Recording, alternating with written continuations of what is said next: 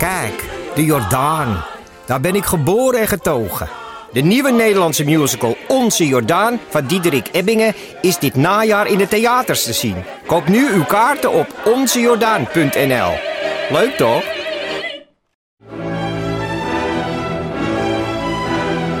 Dus jij koos voor deze podcast. Maar was het een bewuste keuze? Was het een moeilijke keuze? En wat zegt deze keuze eigenlijk over jou? Keuzes. Daar hebben we het over tijdens de Row Now Inner Choices. Een kort en krachtig concert met Maler en Frank. Een avond waarop experts je meenemen in drijfveren, twijfels en de gelijkenissen tussen keuzes in muziek en het echte leven. Kom 19 april naar het Residentieorkest in Den Haag. Een kaartje heb je al vanaf 20 euro. Welkom bij Deel van Amateur, aflevering 194. Eh, deze keer met Iep Driessen. Hardo. Mijn naam is Botte Jellema. Ehm, en deze aflevering gaat over dieren en dode dieren. Luisteren dus. nou, en over tomaten.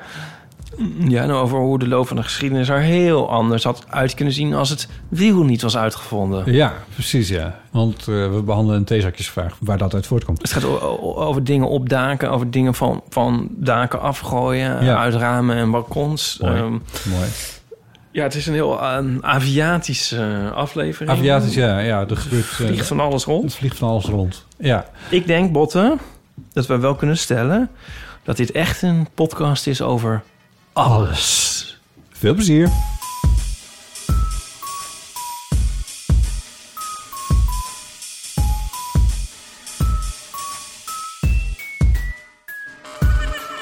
Ik heb een anekdote met een trigger warning. het gaat weer over de natuur. De Je moet- vreedheid van de natuur. Nou ja, als je niet tegen vreedheid van natuur kan, dan is bij deze ben je dan deze gewarnd. planeet beter verlaten? Ja, misschien wel, ja. Nee, nou ja, ik stond dus gisteren in de keuken... en toen hoorde ik heel veel lawaai. eh, van vogels eigenlijk. Van natuur. Van natuur. Ja. Wat doet dat hè, in de stad? Dus kan dat niet aan banden gelegd worden? Maar goed, ons geloof kabaal. En toen zag ik dat ehm, vijf of zes of zo kauwen... Weet je die? Die, die vogels. Ja? Die, eh, oh ja, natuurlijk weet je dat. Eh, die, die waren met z'n allen op een andere... Ik, de, ik meen een duif, maar dat kon ik moeilijk zien. Gebeurt het nog steeds in jouw keuken of is dit... eh, of was Nee, dat zag ik uit het keukenraam. uit het keukenraam? Oh, oké, sorry. Ja. Jij was in de keuken en daar hoorde je het geluid. Ja. nee, precies. En het voltrok zich op straat, Ja. onder de keuken. En ehm, ja, dus toen dacht ik van... Mijn eerste ingeving was om naar beneden te rennen... en dan die duif te gaan redden of zo. Ja. Maar dat was eigenlijk al te laat. Ja. Als die natuurlijk aan het pakken zijn. En voor ik daar ben, ben je ook een heel eind verder. Ja. Maar dat duurde en duurde en het ging maar door. En, eh, Met veel lawaai. Ja, en ik denk ook, wat heeft die duif dan die koude misdaan of zo? Hoe komt dit nou? Eet een Eh. koude duif? Nee, toch? Ik weet het niet. Mm, nou, hier kan misschien een eh, leuke bioloog over inbellen. maar toen dacht ik van, nou laat het dan maar snel gebeurd zijn, alsjeblieft. Ja. ja. Maar toen zag ik, zo om de hoek, ze zaten zo, eh, zo ja, om de hoek, zo twee mensen aankomen lopen. Toen dacht ik, oh nee, die, die, die komen natuurlijk verstoren. Dan is het natuurlijk weer, Het duurt het nog langer. het duurt nog langer. En ja, ja, die mensen konden er ook niks aan doen. Nee. Toch dacht ik van, ga nou even, kun je niet even ergens anders dan lopen? En die duif die lag daar maar. Een man en een vrouw. Ja. En die man die keek zo, mm, mm, die keek zo niet op of om. En die vrouw die keek een beetje, mm. nou, die liepen gewoon door. Nou, en die kou- die, die gingen toen weg. Die, en die duif die lag er zo, zo te sputteren. Ja. Ja, oh. En toen dacht ik, ja, wat nu? oh god. Ah, en toen kwamen er... Dat duurde weer even, toen kwam er een jongen en een meisje aan. En ik had dus heel erg flashbacks naar die muis in mijn muizenval. Ja. Die ik toen met een flinke trap uit zijn lijden heb verlost. Ja. Toen kwamen er een jongen en een meisje aan. Of jongen en een meisje, ja, eh, weet ik veel. Een jonge man en een jonge dame. Ja. Hoe heet dat eigenlijk? En, nou, en die gingen daar, die, die, die constateerden en dachten, oh, hier moeten we iets mee, dachten ze. Wat ik ook wel begrijp. Maar ik dacht toch ook zelf van misschien niet. Je kunt er misschien ook bioloog over inbellen. En dat meisje stond, ze waren zo aan het discussiëren. Dat meisje stond, pakte de telefoon en toen dacht ik, gaat ze nou een dier- Dierenambulance voor een, voor een half dode duif. En dit heeft geen zin meer. En die jongen vond dat dus ook duidelijk. En dan was het gesprek, meende ik zo uit hun lichaamstaal af te leiden. Was zo van, ja, nee, dat heeft geen zin. Nou ja, we moeten toch iets. Nee, dat, ja, nou ja, maar dat heeft dat niet. nou, oh jee, nou, wat dan? Nou, ik ga eens rondkijken. Toen ging die jongen met zijn voeten een beetje op de parkeerplaats kijken... of er misschien een baksteen los zat. Wat Oh, niet zo nee. was. En het meisje liep alweer een soort verder. En die keek weer zo van, ja, het is, ja, dit kan toch ook niet? Nou ja, en toen had hij een soort plank gevonden. En toen dacht ik, oh, wat gaat hij nou doen? En toen ging hij proberen met die plank, die duim uit zijn lijden te verlossen. Oh. Proberen? Oké. Oh. Oh. Ehm, ja, dat ehm, ging dus helemaal niet. Oh, Oké. Nou, ik geloof bij de vijfde keer... Hij, hij, ging, hij probeerde met die plank een soort zo, zo eh, verticaal die duim volgens mij te onthoofden of zo. Ik weet het niet precies. Ja. Ja, nou, het werkte maar niet en het werkte maar niet. God, En dat God. ging maar... Oh nee. Dat, dat, is, dat is niet uit het lijden verlossen dan natuurlijk. Nee. Nee. Oh, wat was dat erg. Ook hield het niet meer. En ik dacht ook aan mezelf van wat zou ik dan doen? Want dan kun je ook niet, ja, je kan ook niet meer stoppen. Nee, nee. want, eh, nee. En ik stelde me ook Als je die voor- weg eenmaal in bent geslagen. Ken je dat zo'n ambulance of zo, dat je een sirene hoort en dan kijk je zo uit het raam en dan kijk je zo, dan zie je zo iedereen uit het raam hangen. Ja.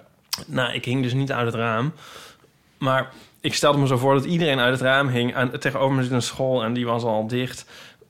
Dus daar hing niemand uit het raam. Maar Ik stel me zo voor dat je dan zo een, een hele flat zo nou ja, kijken bent. Ja. Terwijl je zo onsuccesvol. Oh. Die wanprestatie aan het leven bent. Ja, nou ja, wanprestatie. Ik bedoel, dat was wel goed bedoeld natuurlijk. Ja. Daar niet van. En ik, ik zou het zelf waarschijnlijk ook niet beter... maar ik, dit zou ik toch niet geprobeerd hebben, denk ik.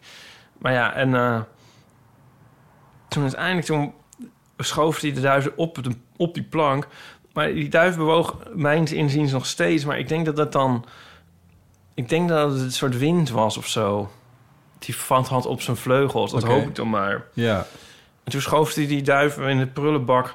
waar ik ook altijd mijn dode muizen en eh, oude douchegordijnen in De kadaverbak van, De kadaverbak. van Amsterdam Centrum. Ja. Ehm, nou, en ehm, ja, dat. Ik dacht, dat is wel een leuke anekdote voor deel van de amateur. Ja, maar- Ja, dan zit de stemming er gelijk in. ja. Toen ging ik een eh, film kijken. Die moest ik recenseren voor Schokkend Nieuws. ja. The Block Island Sound. En die film die opent zo'n beetje met eh, een scène dat eh, twee mensen een vogel aanrijden. En dat ze ook staan te kijken van wat moeten we ermee? En eentje pakt een steen. En, die, en dan, maar oh nee, hij is toch al dood. Oh ja. Toen dacht ik nou, Nou, wat een verhaal. wauw, wat toevallig. Ja. Dat was het. Ja. Je hebt niet nog midden in de nacht zachte koorgeluidjes uit het Prullenbak gehoord. Nee, Oké. nee. Ja, dan was het wel een... eh, was het wel een, a late pigeon. Een ex-pigeon, ja. Ehm, heb jij nog wat leuks meegemaakt?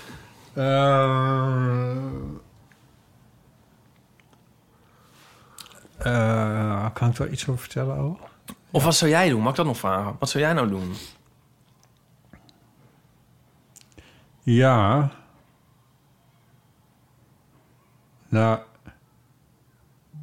dat is best een goede vraag. Ik, dat weet ik niet precies. Want ik... Kijk, als je door... Ik beweeg veel door Amsterdam... en je kan niet altijd alles maar overal op reageren of zo. Nee. En ik, moet, ik laat echt heel bewust allemaal dingen gaan... dat ik denk van, ja, hier had ik me tegenaan kunnen bemoeien... maar laat ik dat nou maar eens een keertje niet doen. Want 100 meter verderop is er weer een situatie... I don't know. Niet dat ik me overal Ja. tegenaan wil bemoeien... maar dit zou ook zoiets kunnen zijn dat ik... Zeker als ik langs was gefietst, dat ik dacht van, nou... Deze is voor de volgende hoor. ja. Ik had dat toen ik, eh, toen ik mijn eerste Pfizer-prikje kreeg. Toen Ja. moest je, dan, dan kom je in zo'n... eh, moet je 15 minuten wachten in zo'n ruimte. Had ik dit al verteld? En dat ik... eh, Begin jij nou ook al? eh, ja, en daar zat ik en ik zat daar tien minuten... en toen liep er een meneer die, eh die schuin tegenover me zat... Die, die liep weg en bij het weglopen verloor hij zijn, zijn stempelkaartje... of heet dat ding, in ieder geval zo'n zo'n briefje waar dan op staat... al die gegevens, zo'n belangrijk briefje, want die Ja. had ik ook bij me. En, en ik, ik zag het gebeuren en toen dacht ik, ga ik dit nou... En toen dacht ik, nou, zijn naam staat erop, ze vinden het hier wel. Maar toen dacht ik, wacht even, dit is... Nee. En toen ben ik toch opgestaan, heb ik dat briefje gepakt... ben ik achter hem aangelopen Ja. en heb ik dat teruggegeven. Ja. Dat heeft wel een hoop mensen een hoop werk bespaard, denk ik. Ja. Waaronder die meneer zelf. Ehm, dus ja, I don't know. Toen heb ik dus wel iets gedaan of zo. Maar ja, ik weet niet. Ik ben er toch wel selectief. Ja, is dat nou gro iets grote stads of zo? Ik weet niet wat het is. Jij, ik kan je toch ook niet overal altijd maar... Je had, had jij niet wel zo'n eh, een kalf uit een sloot gehaald of zo? Was jij dat niet? Kalver uit de sloot gehaald? Ik Jawel, ik heb ook kalver uit de sloot gehaald. Oh ja. Maar niet eh, dat je... Je bedoelt of ik ooit een, een dier heb gered? Nee, ja. Ik bedoel, is het anders als er dus niemand in de buurt is of zo? Of, of, of hoe... Oh, zo. Ja, dan denk ik, dan is het wel anders. Maar... Maar dit is, want dit raakt natuurlijk ook gewoon aan het verhaal. Als er iemand in, in de gracht is gevallen, spring je er dan achteraan. Ja. En dan maar, want dat kan, als je dan de enige bent, dan is het het meest logisch dat je dat doet. Maar als je met tientallen mensen bent, is het weer ineens minder logisch dat je dat ja. doet. Want waarom moet ik dan dat zijn? Ja, Ja. dus Ik ken dus iemand die dan meteen springt. Denk Ja. ik. bij voorbaat eigenlijk al. Bijvoorbeeld, dat is namelijk Nico. Nico die is altijd heel erg... Hands-on. Ja, die, die zit altijd heel erg te kijken en te, en te overal op af te rennen als er iemand een beetje wegdommelt of als er iemand, weet ik veel, als er Ja, iets lijkt te gebeuren. Ja, en ehm je heeft ook een EHBO-cursus en zo en een reanimatiecursus en zo, geloof Oh, ik, ja. weet ik veel wat. Terwijl ik altijd ook inderdaad denk van... nou, wie is hier nou eens even de aangewezen meest- persoon om dit te gaan oplossen? Het best geëquipeerd om dit eens even op te lossen. Ja, want we hebben ook een keer bijvoorbeeld met aanrijdingen of zo... dan gaat hij ook altijd zich aanbieden als getuige. Ik denk dan altijd van, nou, nu snel wegwezen. Weet Ja. je wel? Hmm. Ehm, Klinkt ook alsof jullie elke week een aanrijding ja, zien. maar- dat is ook zo. Oh. Ja, ik ben dus niet zo heel erg zo. Ja, ik voel me daar ook niet zo comfortabel bij, omdat je daar ook wel een zeker verantwoordelijkheid op je laat. Als je iemand achter iemand de gracht in springt en het is, en het is steenkoud. Eh, ik had dat, ehm dat heb ik denk ik ook al verteld, maar toen, toen dat, dat ijzer lag in februari, toen was ik bij het Nieuwe Diep hier bij Amsterdam. Oh ja, En ja toen ga ik was ik, expres ga ik niet naar het ijs. ja, Nee. en toen was ik even kijken eerst, de dag Ja. voordat ik zelf ging schaatsen. Maar ehm, eh, met, eh, met Bas, een vriend van me, die ook heel luistert. En, die, en we zagen daar een, een jongen die door het ijs zakte.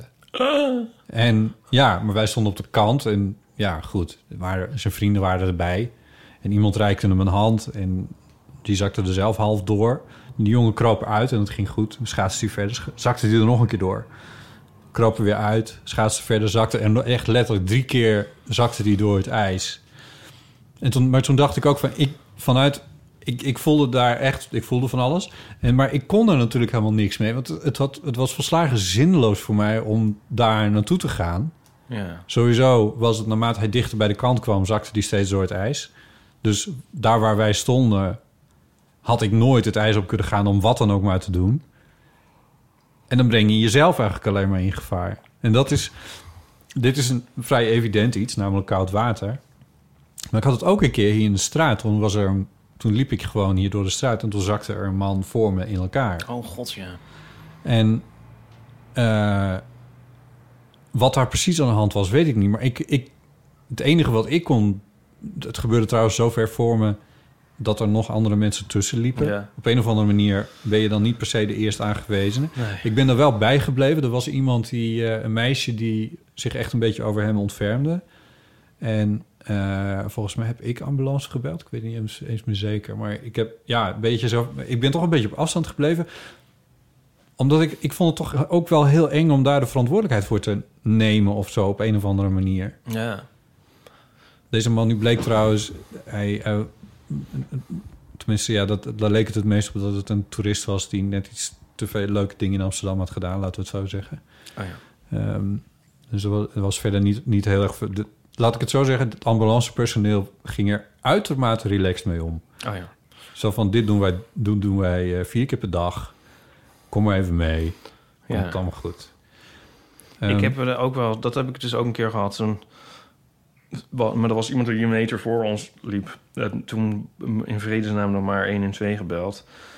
Maar dan is het ook, soms is het wel duidelijk. Maar inderdaad, als je met 100 mensen staat te kijken en da- dat het dan onduidelijk is. Maar ik vraag me af of nu, doordat dat algemene bekendheid heeft, dat omstanderssyndroom, of dat het ook lichtelijk doorbroken heeft. Want vroeger was dat misschien nog onbekend. en nu denkt iedereen natuurlijk van... oh, wacht, we moeten niet met z'n allen omstanderssyndroom staan te hebben. ja, ja, dan moet iemand in de gracht springen. Zou, dat al min, zou dat al minder zijn geworden sinds dat ik heb geen meer idee. beschreven is? Ja. ja, dat is een interessante vraag. Maar bij deze duif dacht ik dus eigenlijk... misschien kan maar beter niemand handelen... en moet het maar gewoon zijn beloop hebben. Dat dacht Ja. ik eigenlijk. Het was ook door de natuur zelf flikte, laten we wel wezen. Het Ja. niet dat het nou een aangereden duif was. Nou ja, dan nog. Nee, ja, dat is waar, maar dan hebben wij het nog gedaan of zo. Ja. Ja, Laat die kouwen dat oplossen. ja. prutsers. 06 1990 68 71. Er was een berichtje van een anonieme inbeller. Oké. Hoi Ipe en eh Potte. Even snel mijn badkamer-anekdote. Eh, ik had een eigen appartementje, mijn eerste eigen appartementje, was er heel blij mee. Tot er in de douche eh, maden opdoken. Dus ik was aan het douchen en die kwamen langs de muur naar beneden. Niet een hele stroom, maar een, paar. Maar iedere keer een paar. Soms lagen ze al bij het putje en ze kwamen uit het ventilatieroostertje hoog eh, bovenin het plafond van de douche. Nou, gadver, gadver, gadver. Elke keer als je gaat douchen, inspecteer je het, eh, geval van eh, kan ik, eh, moet ik nog wat wegspoelen, maar ik spoelde het gewoon weg en dan ging ze het putje in. En eh, nou, dat, was echt een mysterie. Hoe komen maden door een ventilatieroostertje naar beneden gevallen in je eigen douche? Een paar dagen later ging ik bij de bovenbuurmeiden eten. En zij klaagden dat ze ontzettend last hadden van dikke zwarte vliegen. En eh echt van die dikke die op dode dingen zitten. En ze zeiden dat komt omdat hierboven op het dak liggen dode duiven. Nou ja, vervelend voor ze. Zei ik, ja, echt super vervelend. Maar dan snap ik waar de maden vandaan komen. En uh, weet ik ook dat het alweer overgaat. Ging ik terug naar huis. Maar ik had ze dus niet gezegd dat ik wist waarom die duiven dood waren. Dat kwam door mij. Want in mijn appartement zit een klein uh, platje. Heel leuk. Toen ik daar kon wonen was het heel leuk. Maar al snel werd het overgenomen door een groep duiven. Heb ik het echt over 10 tot 15 duiven. De ramen waren wit van de scheid. Alles was wit van de scheid. En ze zaten daar met z'n 15 om me wakker te maken. S ochtends het was zo goor. En de huisbaas deed niks. En ik had de GGD gebeld en die had gezegd, ja, het is wel echt een gezondheidsrisico, je moet wel echt wat doen. Hm. Maar er gebeurde niks, dus wat heb ik toen gedaan? Online rattengif, maar echt hardcore rattengif besteld. En dat daar gemengd met wat graantjes neergelegd. Maar ik bleef tellen en ik bleef er 10 tot 15 zien, dus ik dacht, nou dat spul dat werkt niet. Maar blijkbaar gingen ze dus allemaal op het dak dood. En kwamen er hun vrienden een plek innemen. Afijn. Dat verklaart het vieze badkamermadengeval. En ik heb het nooit verteld aan mijn bovenbuur. En uh, uiteindelijk is er een net geplaatst en is het probleem opgelost. En ben ik verhuisd vooral. Want uh, het was maar deels opgelost. Die duiven bleven heel erg in de buurt. En verhuizen bleek uh, toch de beste oplossing. Dus dat was mijn verhaal. Veel succes met de show, jongens. Oh. Doei. Nou, wat leuk een thema-uitzending over dode duiven. ja. Ik, denk, ik moest wel even denken van... als je nou gezien hebt dat er dode duiven op je dak liggen. Kennelijk hebben ze... Want ze wisten dat er dode duiven op het dak... Op een of andere Oh, die manier... buren, ja. Dan denk ik van ja, dan zou ik ze er misschien ook even vandaan Misschien halen. een of- ideetje. Ja, Tip. breng ze even naar de, naar, naar de openbare afvalbus in je, Nou, in je straat. Breng hem even naar, naar onze prullenbak bij mij in de straat. kadaverbak in, eh, in Ipenstraat. Ja, je bent dan wel gestraft ja, als de maden door Ja, je huis inkruipen. ja. Ja, Ja, rattengift. Nee, dat, het is niet zo'n sympathieke actie misschien, rattengift Nee. tegen de duiven. Het is hier in Amsterdam echt wel een, echt wel een behoorlijk probleem, duiven. Ik, gelukkig heb ik, het hier niet, heb ik ze hier niet zo, maar... ehm, die net bij dag en... Ja, ik, nou ja, goed, bij dag en nacht media, Ja. in die binnentuin... Ja. daar hebben ze echt verschrikkelijk veel last van. Daar zit echt Ja? heel veel duiven, ja. Het is echt heel goor en het is... Ja, ze moeten dat ook één keer in een half jaar... moeten ze dat met een hoge drukspuit... moeten ze dat terras reinigen. Want anders dan... Ja, het is Het is niet omdat het eh, Alexander en Ernst-Jan daar dan weer hebben gezeten. Ja, Nee. Het zijn echt die duiven. Ja, het zijn echte duiven.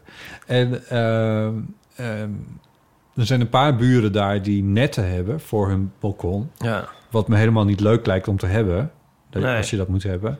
Maar wat wel de oplossing is natuurlijk. Want, Ja. eh, We hadden het in ons vorige huis, oh, bij ons balkon, een net... van, de, van de, nog de vorige bewoners, zeg maar. ja. En ehm, er vielen steeds meer gaten in en het ging steeds meer op half zeven, whatever Ja. that may be. En eh, we hebben ook echt nooit een, een- duif gezien. Dus op een gegeven moment ieder geval zullen we dat anders gewoon maar eens weghalen. En eh, al dus geschieden. En Ja. eh, nou, nog, ook nog nooit meer een duif gezien. Nee, ja, misschien is het toch ook wel een klein beetje zoals wat, eh, wat zij zei van... ja, als ze, als ze eenmaal een, een plekje hebben... dan komen ze daar dan ook op af of zo. Ja, misschien kun je het wel tijdelijk doen. ja. Hadden we nog een bioloog die dit wist? nou, nu we toch bij de eeuwfoon zijn, hebben we nog iets. Eh, ja, zeker. Iets Eh, over dode duiven. eh, niet nog iets over dode Oh, duiven geloof ik, maar wel dingen die vliegen. Oké. Ik, Ja? See what I did Ik, there. ja, dit is onze a- Aviatische aflevering. Ja, misschien, is, misschien wordt dat al, ja. De vrouw van Bente. Hoi Botte en Ipe, Jentel hier. Ik ben nog wat afleveringen aan het terugluisteren en het valt Jentel. me op dat het vaak eh, over eh, piloten en vliegtuigen gaat. Nu, wilde, nu had ik geen vraag, maar wilde ik gewoon een verhaal vertellen. En dat is, eh, ehm, ja, mijn opa is afgelopen jaar overleden, dat is heel droevig. Maar hij was heel cool, want hij was dus straaljager piloot. En eh, ik heb daar ook mooie foto's van, kan ik eventueel opsturen. Maar er is net voordat hij stierf vertelde hij nog één verhaal. En dat vond ik wel mooi, want hij ging dus in de jaren, ja, eind jaren 40, begin jaren 50 ging hij naar Amerika voor zo'n, dus voor eh, opleiding om straaljagerpiloot te worden. En dat was, ja, dat was net na de oorlog, was hartstikke zwaar allemaal. En wat hij daarin zei, eh, of hoe hij eigenlijk daarop terugkeek, was, ja, het is toch wel mijn humor die me door die training heeft heen geholpen. En die training is ook heel nuttig geweest, want hij is dus op eh, 89-jarige leeftijd ook nog gevallen in de douche. Dat is natuurlijk eh, ja, een beetje een recept voor ellende. Maar hij had dus onthouden van die training, als je valt, dan moet je altijd rollen. Dus hij had dat ook gedaan. Eh, Rollen? Niks gebroken, wel Rollen. even Oh, gelegen, rollen. knop had hij niet, maar dat heeft hij dus allemaal, eh, ja, dat is allemaal goed gegaan. Leek me een mooi verhaal. hey, heerlijke podcast en de groeten. Dankjewel, Jentel. Het lijkt me een beetje overkill om te zorgen dat je goed kan vallen... om dan een hele pilootopleiding te gaan doen. Ik, toch maar, ik ga het toch maar doen nu ik dit Ja, als ik dit heb gehoord. Rollen. Oh, je moet rollen als je valt. Oké, Ja. that's how we roll. Nou, dat is wel grappig. Ik heb mijn vader daar wel over gehoord op een of andere manier. Mijn vader is piloot. mijn vader die vertelde dat ook wel. Als je valt moet je rollen. Hij had dat geleerd bij eh, volleybal. Mijn vader Oh. zat op volleybal. Oh ja, Ja. rollen. Moet je dan ook nadenken wat je dan doet? Ja, ik weet niet. Als ik val, heb ik dan... Ja, dat, ja, Oh, ja. Ik zit erover na te denken. Ik geloof niet dat het mij ooit is gelukt om op zo'n moment paraat te hebben dat je moet rollen. Nee. Dan val ik erg weinig, maar dat scheelt. ik zie mezelf wel echt heel erg onder de douche een keer vallen. We hebben nu zo'n douche in bad. Oh god, ja. Over dat is recept ook voor ellende gesproken. Ja, inderdaad, ja. Er valt er ook weinig te rollen. Waar moet ik dan heen rollen? ik, heb al, ik heb al een paar keer daar staan, staan glibberen. Oh god, oh. Nou ja, het is ja. grappig om later terug te horen. Ja, Hij had het er al over in aflevering 109, 194. Eh, ja, ja, oh, maar dan moet je iets aan doen, Ieper. Je moet een anti-slipmat of zo eh, nemen. Ja, er zit een soort ruwe eh, bodempje in dat bad. Ja, maar dat is alles- al een soort ja. uitgesleten. Ja, Nou, we gaan dat nog een keer verbouwen. Oeh. Ooit. Een inloopdouche. Hoe heet dat ook? In één dag geïnstalleerd. Ja. Nu ben ik weer blij. En een traplift. Een inroldouche. Een Uitroldouche. traplift. Uitroldouche.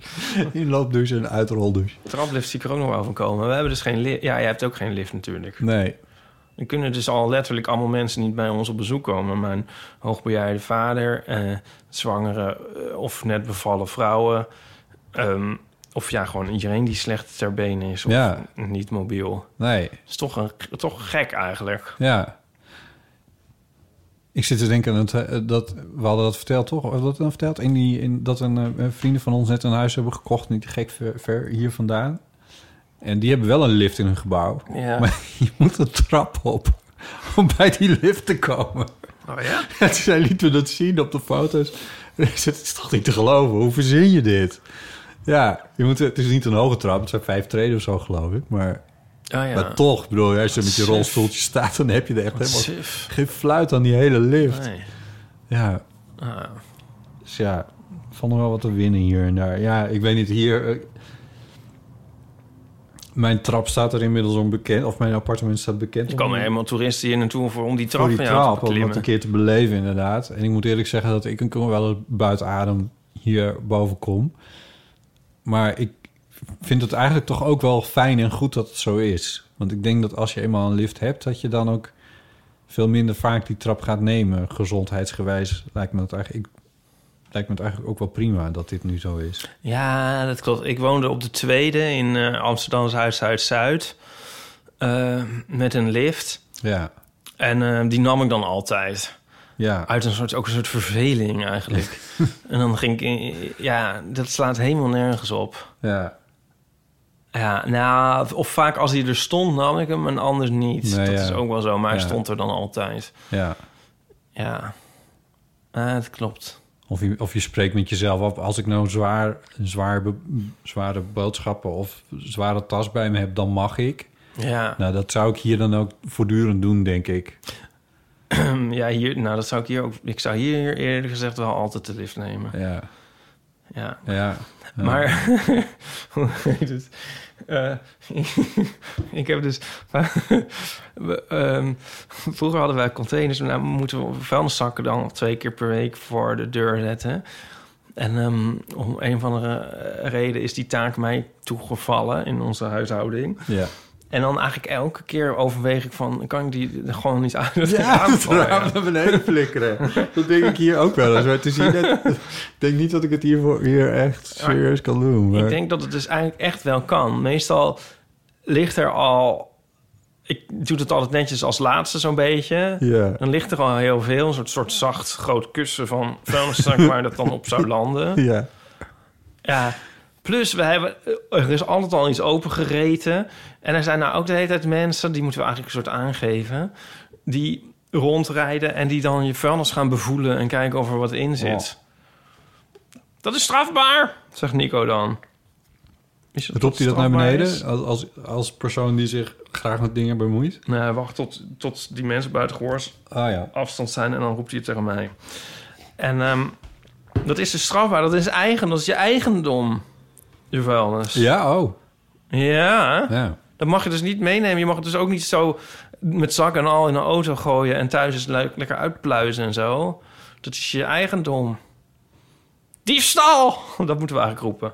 Nou ja, Ik zit te denken aan... eh, aan journalisten die dat doen, ja, dat dat niet. is dat Alexander Pechtold hebben ze dat een keer gedaan. Volgens mij was dat de HP of Panorama. Oh, ja, ja, ja, ja, ja. Dat is trouwens ook de laatste keer dat ik dit is echt jaren geleden, maar dat is de laatste keer dat ik ge- gehoord heb dat ze dit eh Ja, als het nou gedaan. nog een gigantisch opsporingsdoel dient... kun je nog denken, nou, we knijpen een oogje toe. Nee, maar dat, was ging over niet. die buitenechtelijke affaire van hem. Oh, dat weet ik niet eens. Ik, ik, oh, Ja. ja. ik heb dat. Ik kon me niet herinneren dat daar een Ja, nee, dat was er niet. aanleiding voor was of dat er iets uit is gekomen. Maar ze hebben er wel een artikel over gepubliceerd. Maar het was wel, ja.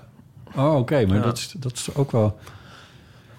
Maar goed, gooi jij nou wel eens je vuilniszak uit het raam? Laat het even weten. Jezus, ja, dit moeten we toch niet aanmoedigen. dit is gewoon een heel slecht idee. Er het niet aan. Ik ben Ja. wel benieuwd of mensen het ooit in een moment van Ja, zwakte maar wel als je het erover hebt, dan gebeurt het toch ook? Ik bedoel, dat is toch... Je denkt dat mensen dit wel doen. Nou, je brengt mensen toch op ideeën? Denk mensen op idee. Nee, iedereen heeft dit iets. Nou, vind je? Dat doet me denken aan eh de Pet Boys. Dat ja, ja, wacht even, ja. Ja. Eh, ja, die zaten in een of andere vreemde talkshow... op het moment, dat Amerikaanse tieners konden inbellen. En eh, het is een heel ingewikkeld verhaal. En toen heb ik het al verteld. En toen ging het over van een meisje... en die belde van... ja, wij willen condoomautomaten bij ons op school... maar eh, dat mag niet van de Oh. schoolleiding. Want het zou ons maar op ideeën brengen. Want het, ja, want het soort of promoot seks. Ja. En toen zei Chris... ja, nou, volgens mij heeft seks nooit heel veel promotie nodig gehad. Oh ja. ja, dat is wel een Ehm, goeie. Ja. Ja. Iedereen fantaseert toch gewoon dag en nacht over het uit het raam gooien. Want wel een zakken, daar hebben ze mij niet voor nodig. Ik denk dat, dat er minder gefantaseerd wordt over het uit het raam gooien van vuilnis dan over seks. Maar Dan, dan oké, nou de, die de, wil ik redena- je dan de geven. redenatie klopt wel. Nee, ik moest denken aan... eh, in mijn, ik denk in mijn studententijd of zo... dat ik een keer ge, geënquêteerd werd. I don't know, dat moet je ook niet doen. Dat gebeurt volgens mij ook nooit meer, maar goed. En dat ging dan over vragen over gezondheid. Nou, vooruit maar. En bladibladibla, dus echt twintig vragen. En toen ineens een vraag... Hoeveel tomaten eet u? Echt ging nooit over specifieke groenten, maar hoeveel tomaten eet u? Ja, de, ik, ik, weet ik veel, de, de, de, twee per week of zo. En, en dan ging de vragenlijst ging weer verder. Maar er was een zaadje geplant in mijn brein... dat er nu, vijf jaar nadat ik Ja. niet meer student ben... dat er nu nog steeds zit van... tomaten zijn dus gezond. Ja. Toen dacht ik, oké, ik weet niet of het de bedoeling was van die enquête... om mensen aan te zetten tot het meer eten van tomaten. Maar bij mij werkt het wel zo dat ik... Van, dat, ik dat dat altijd in mijn hoofd is blijven zitten op een of andere manier. Een vreemd verhaal. Ik probeer het te begrijpen. Nou ja, mensen op ideeën brengen. Ja. Met sneaky vragen en enquêtes er doorheen smokkelen. Ja, Waar ging die enquête nou over? gezondheid in algemene zin. En die was verder heel algemeen en één vraag over tomaten. Eén heel specifieke vraag over tomaten. En voor de rest was het echt... eh, Dan was het die gewoon opgesteld door een of andere tomatenboer. ja, precies. Maar er stond ook niet zo van... Misschien kan het... Je kan het ook kunnen denken dat dat juist heel slecht is. Dat is ook met alles kun je verkopen als dieet. Zo van... Nee, je mag alles eten als er maar niet tomaat in zit. Ja, Verder Ja. mag je alles. ja. Wedden dat je daar nog honderdduizend boeken van zou verkopen. Ja, ja, precies. Ja, dat is wel waar, ja. Ik zit nog even te denken over dingen van balkons gooien. Want in Nico's studentenhuis... op het IBB in Utrecht... Ja, op de befaamde complex... ja. dat nooit mag verdwijnen... Ehm, daar gooien ze echt alles van het balkon. Ben ik daar nou een keer geweest? Was er niet een keer een Oh, feestje? ja, ja. Voor mij was het een keer een feestje, ja. Ah, zo leuk is dat daar. En, eh, Ja, echt een echt ongelooflijke agenebbezooi. ja, ik zei altijd van... het is net alsof je een garnizoen Russische soldaten heeft overwinterd. dat, ja. Alles stuk en kapot en vies. Ja. Maar wel heel leuk. Ja, En ehm, ik ging daar altijd foto's maken voor drie hoog... en dan kon ik mijn camera letterlijk nergens neerleggen. nee. Ehm, maar zij hadden een soort traditie dat ze dan... Ze hadden altijd een echte kerstboom en altijd zo groot mogelijk. En dan hadden ze ook een soort plezier in dat hij niet rechtop kon staan in de kamer. Dat, omdat hij te groot was. En ehm, dat ik, ja, dan hadden ze dus een soort traditie dat ze die op het balkon in brand staken... en dan van het balkon gooiden. Brandend. maar dat Zo could possibly go wrong. Ja, zo kom ik eigenlijk op... Want dat was niet eens wat ik wilde vertellen... maar daar moet ik aan denken met die vuilniszakken. Maar op een gegeven moment hadden ze dus ook... Ze zaten wel eens op het dak daar, wat echt niet mag. Ja. En eh, ik ra- eh, had ik ook afraad en zo en keur. ja. Maar goed, Ja. voor de duidelijkheid zeg ik dat dan maar even. Voordat we mensen op ideeën hebben. Ja, nou ja, daarom. Maar je zag ook wel eens mensen in, dan in zwembadjes op die daken zitten en zo. Wat echt, ook echt levensgevaarlijk is, maar goed. Maar op een gegeven moment was er een brief. Hadden ze dan gekregen van ja... Jullie weten dat het niet mag op het dak. En ehm, dat willen we niet meer hebben van de verhuurder. Eh, en het is gevaarlijk en het kan niet, het mag niet. En ja, dus doe dat niet meer. En we denken ook dat recentelijk dat jullie met meer dan één persoon op het dak zijn geweest. Of althans, het lijkt ons niet dat die piano daardoor één iemand is neergezet.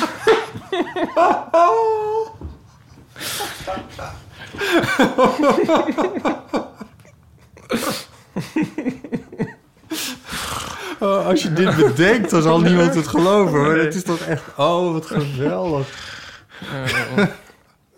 Jezus, een piano. Ja, Eigenlijk zou je hem op Google Maps moeten opzoeken... en kijken hoe dat er van boven uitziet nu. mm, die daken. Ja, of er nu mensen op... eh, Wat ze er nu op hebben. ja, ja. Ja. Oh, de studententijd. De mooiste tijd van je leven. Ja. Deze aflevering wordt mede mogelijk gemaakt door Readly. Met Readly lees je onbeperkt meer dan 5000 tijdschriften en kranten voor een vaste prijs van 9,99 euro per maand. Alles handig in één app via je smartphone, tablet of pc. Het is een Netflix onder magazines. Eh, de hele familie leest mee. Je maakt wel tot vijf profielen op één account en leest op vijf apparaten. Er is geen opzegtermijn. Je kunt je abonnement altijd opzeggen zonder verplichting. Ipe, heb jij nog een blad gevonden? Ja, de Men's Health. Oh jee. dat is zo'n blad dat ik dan altijd in de supermarkt zie. En dan Ja. denk ik van, ja, moet ik dat kopen? Ja. Ehm heb ik ook misschien een lichte gêne voor. Eh, het leuke van Readly is dan, vind ik nu dat ik dat helemaal kan lezen en bekijken. En eh, ik hoef het dus niet eens te kopen. Nee. Ehm, en dan kan ik ook echt zien of het iets voor me is. En ehm, sommige dingen wel, moet ik zeggen. Er zijn ook heel, heel veel dingen van eh, eet, eet, eet 10 kilo kipfilet elke dag of zo. Eh, Oh. Weet ik veel. Ik zeg maar, ja, ik overdrijf. Ja, ja. Maar dat vind ik dan minder. Maar er zijn ook heel veel tips voor eh, sporten. Thuis ook bijvoorbeeld. Of nieuwe oefeningen. Of eh, dingen die we- eh, wel efficiënt zijn of juist niet. En eh, nou zoals je weet vind ik het wel leuk om naar de sportschool te gaan... en daar een beetje mee bezig te zijn. Dus het is best wel leuk om daar over te lezen. En ehm, dat kan ik nu doen, dus zonder elke keer dat blad helemaal apart te hoeven aanschaffen. Ja.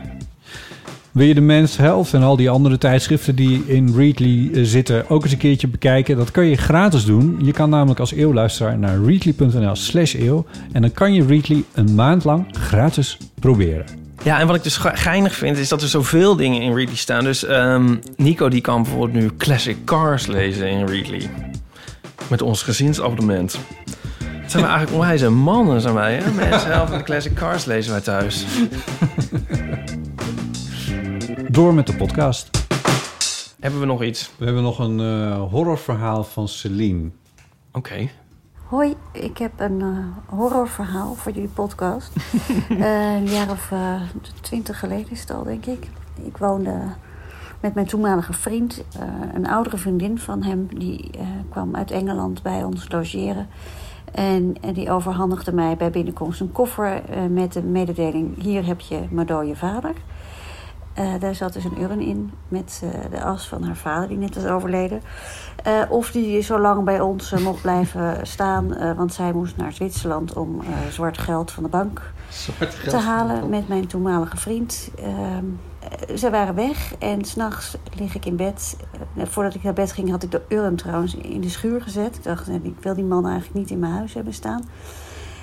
En midden in de nacht word ik wakker van de televisie die opeens keihard aanstaat.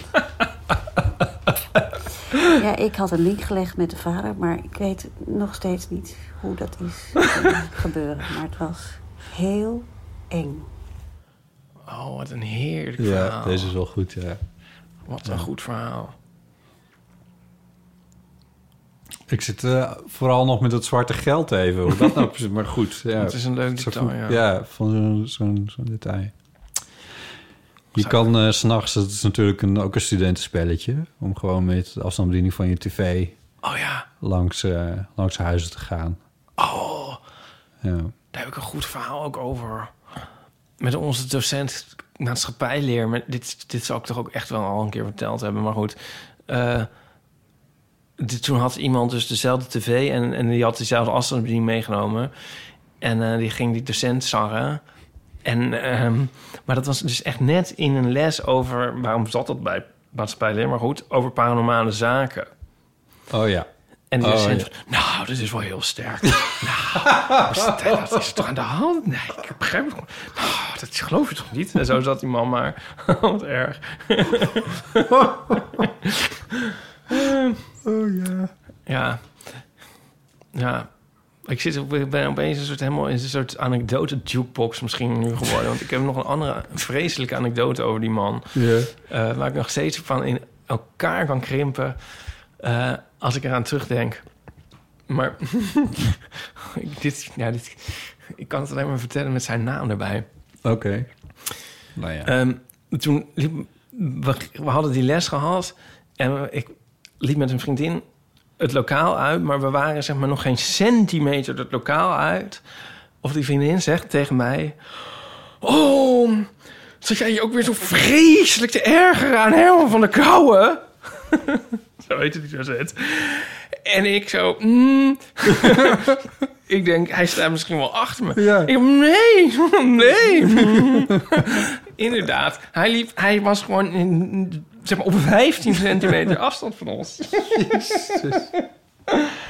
Oh, ja, dat komt ook niet meer goed. dat komt niet meer goed. Nee. En dan werd ik helemaal medeplichtig gemaakt. Ja. ja. Ja. Hier ben ik me altijd zo hyper bewust van. Als mensen iets zeggen over bijvoorbeeld zo van... Weet je wel, dat mensen denken dat ze mompelen of niet te horen zijn... en dat iedereen het kan horen. Zo van, nou, die cashier kan ook eens een beetje opschieten of zo. En dat ik denk van, nee, eh, ja. hou je mond. Niet waar ik bij ben. Nee. Heel vaak zijn dat soort opmerkingen ook echt wel bedoeld om gehoord te worden, hè? Ja, dat vind ik het allerergste. Ja. Al, als het dan al niet door de cashier zelf zou moeten worden gehoord... dan de- in ieder geval door jou. Ja, ja. Nee, maar als iemand het doet, is het, is het erg. Maar als iemand het zeg maar, die bij je hoort het doet... dan vind ik het zo erg. Ja, Ja. gelukkig dus Nico, die zegt gelukkig van... eh, tegen die vuilniszakken, die zegt hij dat gelukkig... dat zou ik wel erg vinden. Dat, Nico is niet zo. Maar ja, je hebt mensen die zo zijn. Ja, dat is echt een reden om een vriendschap dan maar op te zeggen, toch? Ja. Ja. Oh ja, maar die ik, ik schreeuw oh, wel eens ja. tegen auto's trouwens. Dat heb ik ook al een keer verteld. Ja, nee, dat vind ik anders. Ja, Ja, maar dat doe je ook niet tegen de, tegen de bestuurder... want die hoort je toch niet, dat weet je. Dus dat is ook meer voor, Ja. voor de, voor de bühne. Ja, Voor I de, don't nou, het is gewoon een Ja. emotionele respons Ja, of zo. misschien ook wel, ja. Ja, nou, dat Ah, snap ik wel. Die mag ik mezelf misschien vergeven. Ja. Ja, die urn, zou jij die dan in huis houden... of zou je die ook even op het balkon zetten of in de tuin? Oké, dus de situatie is als volgt. Een, een, hoe was het nou? Een, een, een, een, vriend van een vriend... Ja, een of de vriendin vri- een vriendin van een ex... partner. Die komt dan langs omdat ze samen met die ex... zwart geld gaan ophalen in Zwitserland. En in de tussentijd... Die samen, die ex weet ik niet hoor. Ja, hoe zei ze het nou? Dat maakt niet uit. Nee, het doet er ook niet heel veel toe, maar in ieder geval... En in de tussentijd moet de Die urn van de net overleden vader... die moet dan eventjes bij jou in huis staan. Ja. Ja, het- er zijn heel veel dingen in het verhaal dat ik denk van... ja, je zit wel in een gekke groep mensen op dit moment. Nou, op zich. Zou dat een Ik kan het situatie verhaal zijn ook die... vereenvoudigen en zeggen van... eh, Die urn die kan echt nergens staan. Alleen... Ja, we gaan nu namelijk zwart geld ophalen in Zwitserland. nee, dus je zal begrijpen... Stel dat het niet was het zwart geld... maar even een vakantiehuisje uitruimen of zo. Dat zwart geld doet er eigenlijk niet toe. Wat moet ze dan met die urn? Die zo lang in een stationslokker zetten? Ja, why not? Ja, maar het is toch eigenlijk heel raar dat die urn, dus dat, dat een soort. We zijn dan allemaal niet bijgelovig en eh et cetera. Maar die urn is dan opeens een soort heel beladen object. Ja, dat maar is niet, eigenlijk heel niet, raar. ma- niet magisch beladen, maar het is een... Ja, het is niet zomaar een vaas natuurlijk. Nee, maar waarom niet eigenlijk? Ja, omdat... Ja, ik voel het ook wel, daar niet van. Maar ik zit Ja. dus eh, even af te vragen Omdat wat, waarom dan restanten van een dood mens erin zitten. Daarom is dat. En- Ja, maar als je stofzuigt, zijn ook de restanten ja, van een levend mens dan. Ja, nee, maar... Ik bedoel, Alles dit is de restanten van... We zijn allemaal sterrenstofpotten. nee, ja. En ik denk ook, als je geen plek hebt voor een urn... dan kan je hem ook gewoon achterlaten bij het crematorium... en hebben ze er wel een muurtje voor, of I don't know. Ik bedoel, Ja, dat is weer zo'n hele... Maar ze wilden hem dan... Nou, weet ik veel. Ja, Nee, ja. nou ja. Maar, waar, maar je gaat toch niet... Ja, ik vind het nogal wat om nu bij een vriendin achter te laten. Eigenlijk. Ook voor je vader is ook niet leuk. Ik zou het even moeten ervaren, denk ik... om het echt helemaal te kunnen appreciëren. God. Nou, als iemand een urn over heeft... Breng hem even langs. Zeg hem even langs. Je Even voor dat gevoel. je herkent de straat wel aan de kadaverbak. Goed. Oké. Nou, hey, ehm, volgens mij hebben we een egelbericht. Oh. Denk je ook niet? Leuk.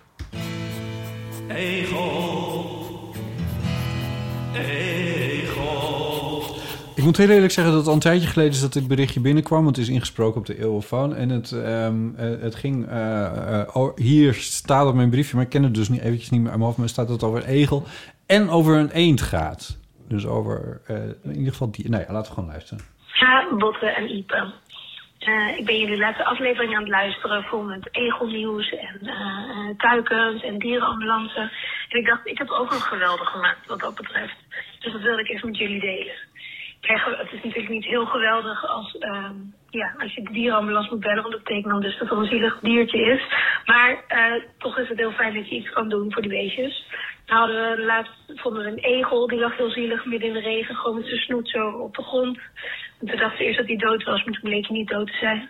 Nou rijdt ze bij ons in de avond niet, of s'nachts in ieder geval niet om ze op te halen. Dus toen hebben we hem zelf maar in een doosje bij ons warm bewaard. Warm de er, je kunt er een kruidje naast leggen, kregen we als tip. Dus een warme fles met wa- warm water erin. Dan eh, houdt hij zichzelf in ieder geval een beetje warm.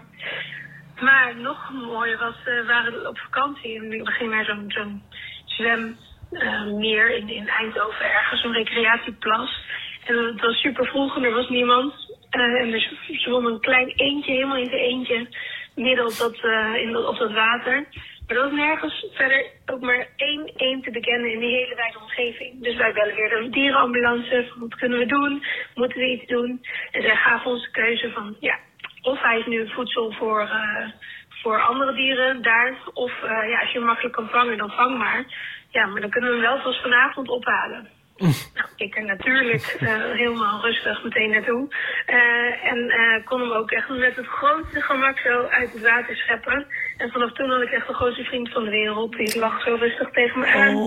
En ik kwam de hele dag, bleef hij lekker bij me hangen. Nee. En werd hij weer wat warmer. En ik, op een gegeven moment gingen we zelfs samen zwemmen in het water. Zodat hij niet, want het had hartstikke heet weer. Zodat hij niet oververhit raakte.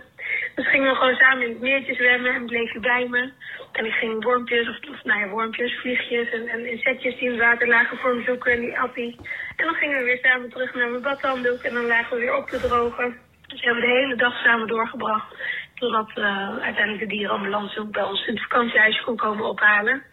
Maar dat was misschien wel echt de mooiste vakantiedag ever. Terwijl ik niet eens het buitenland in was. En eh, gewoon lekker in eh, Nederland een fijne vakantie had. Nou, succes met jullie show. Ik geniet er al heel lang, heel vaak van. En eh, nou, doei. Ik moet huilen. Ja, het is wel een heel mooi verhaal, hè? Eentje. Ja, eentje is eentje. Oh, Ik wil ook vrienden worden bij de eend. Wat? Sorry, ik wil ook vrienden worden met een eend. Ja, ja. Oh. Ook een beetje, een beetje een soort harde keuze. Ja, Nou, of eh, hij is dan voedsel voor andere dieren... of we kunnen hem vanavond ophalen. ja.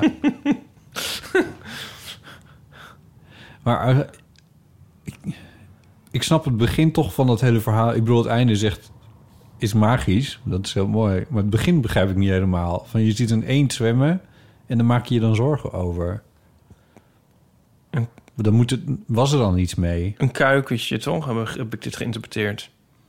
Een eendje. Een, een eendenkuikentje. Oh, ik had meteen zo'n volwassen, volwassen eend voor ogen. Maar goed. Nee, dat is gek. Ja. Ik dacht Ja, kuiken. als het een kuikentje is, dan... Dan eh, die ja. berichten. Dan hebben we het helemaal niet gehoord. Dan zitten we zo... Van wat zei ze nou eigenlijk? Het zei ze nou eigenlijk. Ja, dat is een eentje. Ja, ze heeft het woord kuikentje niet gebruikt. Ja, Nee, maar eentje. Maar ik bedoel, dan is het rationeel. Want dat is een verloren kuiken Ja. die niet meer, waar niemand meer naar omkijkt. Dus Nee. Een grote eend is eentje, het is ook niet zomaar voer voor andere dieren. Nee, nee, dat- nee, nee je hebt er Anyway, gelijk in. Ja. Ja. Maar dan wil je die eend toch niet meer loslaten? Ik zou dan die dierenambulance afbellen. ik. laat Nou. Hij is, eh, hij is wel opgegeten. hij is of zo. opgehaald door zijn Ja, familie. heel raar, ja. ja dus Hij op- ging zwart geld halen in Zwitserland. Ik weet, weet het niet precies. Ja, Ja. en dan gewoon maar houden. Dat is toch leuk? Ja. Ach ja, eh, wij zijn helemaal... Ja, Ja. Heb ik al verteld over die ene bij ons in de straat dan weer? Dit is wel echt de dieren, dieren Ja. rubriek van mensen die niks van dieren weten geworden. maar heb ik het verteld of niet? Dat er af en toe eenden in onze straat lopen. Dat heb ik wel verteld. nee, nee, nee ik niet verteld. Nee, ik kan me niet herinneren. Dus wij- onze straat is niet aan het water verder. Nee. En dan lopen er opeens twee eenden midden op straat. En die zagen wij een keer en dachten, hé, wat, oh. En er stond er ook een beetje zo onhandig bij, van wat moet hier nou mee? Toen kwam er een vrouw langs met haar hond en zei... Oh ja, dat zijn gewoon die eenden, ja. En wij zo van, je moeten we ze terug naar het water brengen? Nee, die weten het wel, die vinden het wel. Die zijn, lopen hier altijd. Nee, dan gaan ze straks weer daarheen. Oké, nou ja, het is ook niet heel ver, dat water. Het is niet heel ver, maar gewoon een eend... terwijl je echt nergens water te zien is midden op straat in Amsterdam... is toch gek. Dat is een beetje vreemd, ja. En ehm, nou, nu heb ik ze al een tijdje niet gezien, dan ben ik gelijk weer ongerust. Maar die zie je dus vaker door de straat scharrelen. En dan elke keer staan er weer mensen bij van, hmm, wat moeten we daar nou mee? Ja, En we hebben zelf ook al eens tegen mensen nu gezegd van... oh ja, nee, die vinden de weg wel weer. het is blijkbaar zo, nog maar overgenomen. Ja, Misschien dus- praat iedereen elkaar na. ja. Terwijl die ene Ja. echt stond van, wat de fuck gasten, we hebben geen Ja, idee. Breng ons even naar het Ja, water. Jezus. Ja, doe ons in een doos en, Ja. en eh, laat ons dan aan het eind van de dag ophalen. Ja. ja. nou ja, dat. Ja. Is het tijd voor een, eh voor een theerubriek? Oh, leuk, ja.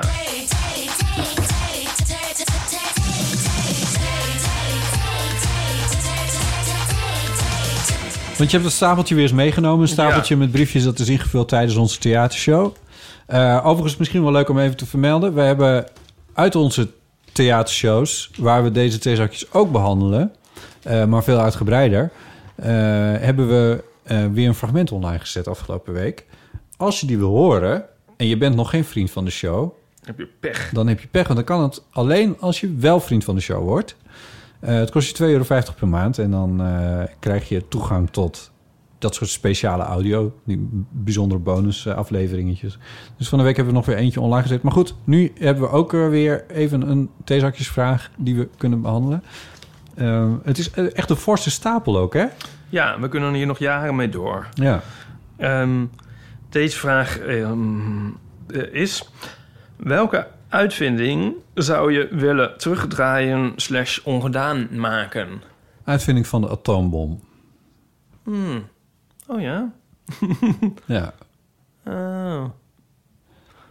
Oh ja. Oh. Ja, oké. Hmm. Maar dan was de Tweede Wereldoorlog nog niet afgelopen. Ik zei het niet eens. Nee. nee. Oké. Ah ja. Ja. Hoef je ook niet lang over na te denken. Nee. En misschien was de verbrandingsmotor ook niet de allerbeste uitvinding. Je hebt het echt wel... Ik zat veel meer in de, in de richting van eh, bladblazers te denken. Oh, ja. Nou, je, die heb je nu ook in elektrische varianten en die kan ik veel beter hebben. ja. ik was heel enthousiast over. Nou ja, ja, precies. Nu we het erover hebben. Nee, ik zag, eh, want je hebt ze dan hier in de, de gemeentewerk, ze lopen er ook mee. En dan blazen ze bladeren onder auto's vandaan, zo de straat op en dan komt er zo'n veegauto. Eh, en dat is echt een vreselijk geluid. Eh, maar ik zag ze nu met elektrische varianten lopen. Nou ja. En, en dat is een beetje een gezoem wat je dan nog hoort. En dat is een stuk prettiger. Dus dit gaat weer over de verbrandingsmotor eigenlijk. ja. Want dat is het vervelende. Of het wiel. Als we nou het wiel niet uitvinden... dat zou ook een hoop gedoe schelen. Maar er zit onder vrijwel alles Ja, daarom. wielen. Ja, maar dus dan is, ben je pas echt efficiënt bezig met het terugdraaien van dingen. begrijp ik niet. Wat, wat stoort je aan wielen? Nee, maar ik bedoel meer, kijk, ik zit, stel me ervoor, als de atoombom niet was uitgevonden, dan is de hele loop van de geschiedenis anders. Dus als je nou ietsje eerder terugpakt bij het wiel, dan heb je het atoombom ook niet. Dan heb je ook geen bladblazen, heb je ook geen, weet je wat, dan komt alles het voort. Ja, maar misschien komen er ook wel een paar dingen uit voort die we wel leuk vinden. Ja, oké. je. Ja. Ja, Zal ik mijn grapje doen over het, het, het wiel opnieuw uitvinden gesproken? doe maar. Daar hebben ze altijd over. Van, van ja, laten we niet het wiel opnieuw gaan uitvinden. En denk ik, dat zou toch... Ik bedoel, wat een verbijsterend geweldige uitvinding is het wiel. Ja, Stel nou dat je dat nog een keer zou kunnen doen. Dat zou toch helemaal mind-blowing zijn. je kan beter het wiel nog een keer uitvinden... dan nog een keer de bladblazer uitvinden. wist je dat Apple wieltjes verkoopt voor hun Mac Pro? Dat is die, die nieuwe grote kast. Ja. Die, of nieuw, maar die is ook alweer drie jaar oud, geloof ik. Maar, eh, en dat zijn heel bijzondere wieletjes, maar, eh, maar ze zijn niet zo bijzonder dat het het prijskaartje helemaal... Ja, dat is met alles met Apple natuurlijk zo. Ja, 700 dollar Oh, voor vier wieletjes ja. voor onder je computer. Terwijl je er ook gewoon een hondje onder kan zetten. Een hondje. Ja, kan ook. Ja, ik weet wat dat is. Ja. Ik weet dat woord. Ik, ik ben, eh, ja, ik ben trots op je. Ja, ben je net verhuisd of zo? Ja, of heb je een piano op een flat gezet? Eh, ja, ja. Eh, maar dat, dat, dat is wel een... Ik vond... Ik, be- of ik bekeek dat niet, dat ik het heb in Maar dat zijn, ja, heb, want dat zijn heel rare wielen of zo. Ja, hebben zijn wel bijzonder. Ze zijn uitgevonden, helemaal, helemaal Helemaal eh, rond. rond. Ze zijn helemaal rond. Ja. Ze zijn helemaal hol aan de binnenkant. Dus de lager zit aan de buitenkant eigenlijk op een of andere manier. Ja, je zou het een keertje moeten bekijken. Het is wel het is, eh, het is ingenieuze engineering die ze daar hebben toegepast. Het zijn niet van die eh, bureaustoelwieltjes die ze er even onder klikken. ja. Dus het is wel iets bijzonders. Shouting, lager, lager, lager, shouting. Ken je die... Tron is een naam die zich Die opdringt. Ik weet niet waar dat uit... Ja, dat is een film. Ja. En dat is iets Ja. met een motor. Ja. En die ziet Oh, ja, ja, met, met van die wielen die aan de binnenkant hol helemaal... ja, ja, ja, ja. Nou, dat een beetje. Oh, ja. Dat is wel een opnieuw uitgevonden wiel op een of andere manier. Ik bedoel, dan heb je niet een lager in het midden met een spaak of zo, weet veel. Maar ja. Ja. Oké, nou, dat is leuk. Ik- nee, dus ik, ik ben het dus met je eens. Hè, van, ja. Laten we vooral op wielen blijven uitvinden. Ja. Ja. Een ander ding dat misschien eh, je zou kunnen zeggen, antwoord op deze vraag, is de telefoon. De mo- mobiele telefoon. Die zou niet moeten worden zijn uitgevonden. Ja. Toch? Ja, is het zo? Ja, ik word een beetje gekker van dat ding. Ik kom er maar niet van af. En weet je wat we nou in huis hebben? Dat is ook wel erg. Nico luistert toch niet. On- wij hebben onderhand zo'n soort, soort, zo'n soort titulaar huis van de toekomst. Ja. Waarbij alles met onze telefoon bediend kan worden. ja. Maar dan... ehm, Maar dat komt omdat Nico een beetje van de toekomst is. Ja. ja. En dan, eh, eh, dan ga ik zo naar bed. En dan probeer ik daarvoor niet meer op mijn telefoon te zitten. Ja. Maar dan moet ik zo het licht uitdoen. En dat moet dan met mijn telefoon. Ik moet het weer met die fucking telefoon. en, dan, en dan is het dus elke keer dat dat dan niet lukt. ja. En dan is hij weer op een ander netwerk. Of een app- een apparaat reageert niet. Of zo. het Of bij de buren weer uitgedaan. Weet ik veel. Ja, en dan sta ik weer daar met mijn telefoon weer te hannessen. En, En, dan gisteren... slaapt al. Ja, Oh nee. en dan gisteren heeft hij dus alle verwarming... Hoe heet die dingen? Radiatoren? Alle radiatoren heeft hij dus nu ook slimme knoppen opgezet. Dus als ik straks eh, in de winter moet ik dan dat ook weer met mijn telefoon doen. Dat werkt Ja. dan natuurlijk straks ook allemaal weer niet. Ja. Dan zit hij natuurlijk lekker hoog en droog in Amerika. Dan zit ik uit te hannissen. Ja. En dan wil ik een bo bro- boterham roosteren. Dan moet het ook met mijn telefoon. En dan moet ik een waterkoker aan. Dan moet het ook met mijn telefoon. Ja, nu, nu begin je een beetje te klinken als een, eh, als een, oude man die het niet meer begrijpt. Maar het is. Dat maar eh, laten we dat even gewoon. Laat dat maar gewoon zijn. Ik ben er geloof ik niet zo voorstander van om heel veel dingen te koppelen aan je telefoon. Want het kan bijvoorbeeld ook met gordijnen en het kan Ja, inderdaad met nou, dat- dat wilde ook. Ja, maar eh, er, de, de, het, er is gewoon een, een simpel regeltje dat alles wat er niet op zit ook niet kapot kan gaan. Mhm. En Don't I know it? ja, en eh, ik vertelde aan Nico dat ik graag een ander dakluik wil voor naar mijn terras toe te gaan. Dat ding is nu het slaat helemaal nergens op. Het is de, de gasveren zijn kapot. Het is een soort van aluminium deur die echt alle De warmte lager naar zit helemaal aan de buitenkant. het is ja, laag zit aan de buitenkant. Het is geen gezicht. Ehm, en toen zei, hij, toen zei ik van, nou, ik van glas. En hij zei, oh, en elektrisch? En toen dacht ik, nee, nee, nee, nee, nee, nee, nee. Nee, dat wil ik niet. Want dan is er straks het elektrische er een keertje af. Of weet ik veel. Ja. Het staat hier beneden in de brand of zo. En ik wil naar boven. En dan is het elektrisch af. En dan kan ik hem niet, dan kan ik hem niet open krijgen. Ja. Ik wil dat niet. Ik wil, ik wil gewoon echt met een hand wil ik dat ding op. Ik vind dat ook gewoon fijn of zo. En dat is niet iets omdat ik tegen techniek ben. Omdat ik denk dat... Ik ben namelijk niet zo van mening dat de telefoon niet had moeten worden uitgevonden. Maar er zijn wel een paar dingen aan die telefoon nu die niet helemaal kloppen. En er zijn ook een paar dingen aan die jij nu net noemt. Met lichtschakelaars. Dat ik denk van ja... Was van een week was er een reclame van Philips... eh, die die lampen hebben, ook van die, van die eh, slimme lampen. En dat was dan de reclame dat je, als je die lampen dan in je huis had, dan zat er een soort van eh, bewoningssimulatie zat er dan op. En toen- Ah ja. Dus dan, als je dan op vakantie bent, Ja. dan zet je hem in die modus en dan doet het huis, dan doen de lampen alsof Ja, het thuis. Probeer ik me een soort voorstelling van te maken dat er dan echt elke seconde ergens een lamp aan knippert of zo. Ja. De- van, van overzet thuis hoor. Kijk maar, je knippert een lamp aan. Ik bedoel, ja, vroeger zet je een tijdklokje of zo. Mijn moeder had dat. Nooit, dat moet je natuurlijk nooit doen. Wat Daar gewoon- natuurlijk meteen achter. Nou ja, dat weet ik niet. Ja, toen kreeg je van die randomize tijdklokken. Die bestaan ook. Die kun je kopen. Ja. Maar eh, je kan ook gewoon een lampje aan laten. Ja, I don't know. Ik bedoel, Dit ik is kan me ook voor- echt weer de natuur eigenlijk. Dat je, eh, ah, ah, zeg maar, ik moet nu ook weer heel erg aan dieren denken... die dan vreemde dingen doen om, om andere dieren in de war te brengen. Dat Ja. zijn wij mensen dan, maar dan met Ja, randomized doen alsof je thuis bent lampen. ja.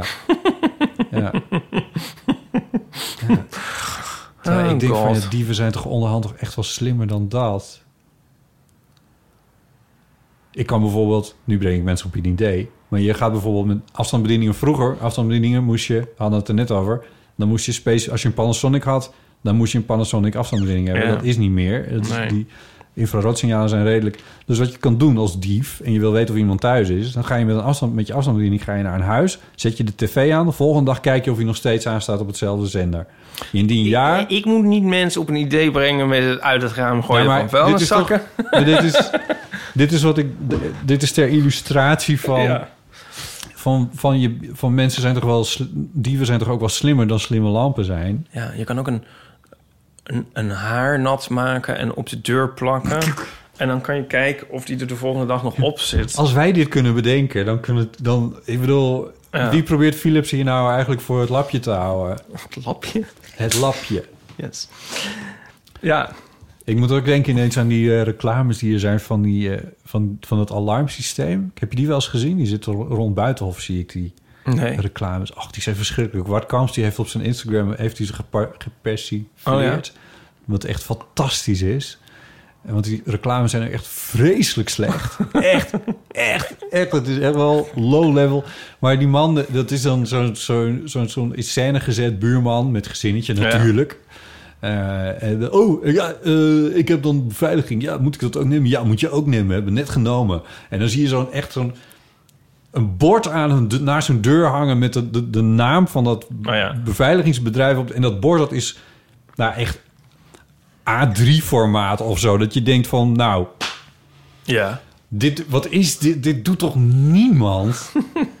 Oké. En tweede gedachte, kan ik ook los zo'n bord kopen en dat aan mijn deur plakken? Zonder dat hele beveiligingssysteem. Ja. Zou dat dan hetzelfde doen? Wat is dit? Wat is ik het ook voor... weer heel erg de natuur, wat je nu zegt. Ja, toch? Doen. Ja, als, ja. Ja.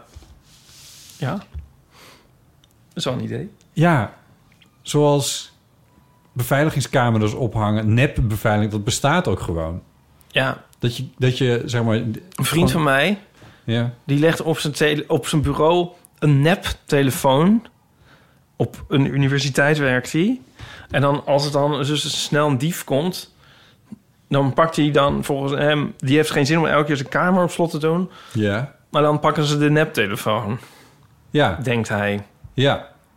Ja, en dan voel je dat, dat Ja. volgens mij... Ik denk dat... Ik geloof dat het niet echt, maar goed. Toen we nog met eh, contanten rondliepen in de vorige wereld... was er het verhaal dat je als, je als je op vakantie ging... dat je best maar twee portemonnees bij je kon hebben. Eh, eentje waar je echte shit in zit. En eentje die zodra je werd overvallen... kon je die eh, uit je... eh, moest je die dan uit je, uit je zak halen en... eh 20 meter verderop gooien. Eh, en dat moest er dan echt uitzien als een officiële portemonnee.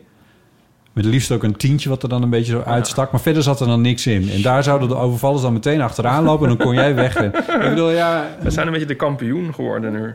Ja, maar dit... Ja. Nee, ik begrijp dat jij dit... Ja. Ja. Oké. Hoe komen we hier nou bij? Ja, ook- ik weet het niet. Ik ben echt helemaal draad kwijt. sake? Waar gaat deze podcast over? Over alles. Mensen vragen dat wel eens. Over alles. Oh god, oké. ik heb nog iets te pluggen. Ja. Nou, eh, ik plug met je mee. Oh, dat is leuk. Want eh, je stuurde me gisteren de pdf. Ja. Eh, want het fysieke, maar het fysieke boek is er inmiddels wel, hè? Nee, die komt morgen. Morgen. Dus Morgen. morgen betekent... Dus vandaag, van- vandaag. Voor, ja, dus eh, eh, vrijdag 25 juni eh, is het fysieke boek er. Maar ik heb je album gezien. Het is een album in de reeks Ipe maakt albums. Van het verzamelde werk van Ipe. van jouw fotostrips. Ja. Maar haar... deze ging over het afgelopen jaar, de, de coronaperiode. Ja. En toen dacht ik, oh, al die corona-verhalen. Maar toen was ik het een beetje aan het doornemen. En toen dacht ik... Van, Toch wel leuk. Nou ja, toch wel leuk. Van alle... Dat was mijn conclusie eigenlijk een beetje. Van, van eh, misschien is het wel goed om een soort van herinnering te hebben. Ah, dit ga je horen in de microfoon. Oh, sorry. Dit, eh, misschien is het wel goed om een soort herinnering te hebben aan deze periode... voor zover we hem nu kunnen afsluiten. Ja. Wil je dan een heel dik boek voor geschreven door echt 600 pagina's van AFT van der Heide of zo, weet ik veel, over deze periode? Wat zou je hier aan willen overhouden? Of een eh, soort eh, rapport van het RIVM, wat over vijf jaar zeker er ligt? In een Nee. boekenkastje op straat staat. Ja. Nee, want dit is... Zal ik dan ook erbij zeggen... zijn mijn strips over corona, fotostrips... Ja. van het afgelopen jaar in... eh, het zijn er 70, geloof ik. Ja, zoiets. Het is best veel. Ja, en ik had vorig jaar, precies een jaar geleden, eigenlijk aan het eind van de eerste golf, Ja. eh, al een boekje gemaakt in eigen beheer, Ja. Ipe en Co. En dat waren er 30 of zo. En ehm, dat is, is toen uitverkocht geraakt. En nu af en toe vragen mensen er nog naar. Maar inmiddels had ik nog veel meer strips. Ja, want er was ook een tweede golf. En een En een tweeënhalve golf. En toen dacht ik, nou, ik kan nog een tweede boekje maken. En misschien wat bijmaken van dat eerste boekje. Maar toen leek het mij in als mijn, neurotisch, mijn neuroses... het lekkerst als het allemaal bij elkaar in één boekje was. Ja. Dus dat heb ik nou gemaakt. Nou, eh, ik vind het dus, ja, het is gewoon een meesterlijk idee. En het is echt, ik vind het echt een heel erg leuk boek. En dit is precies wat ik dus zou willen hebben als herinnering aan deze periode. Nou, dat kan. Want alles zit erin.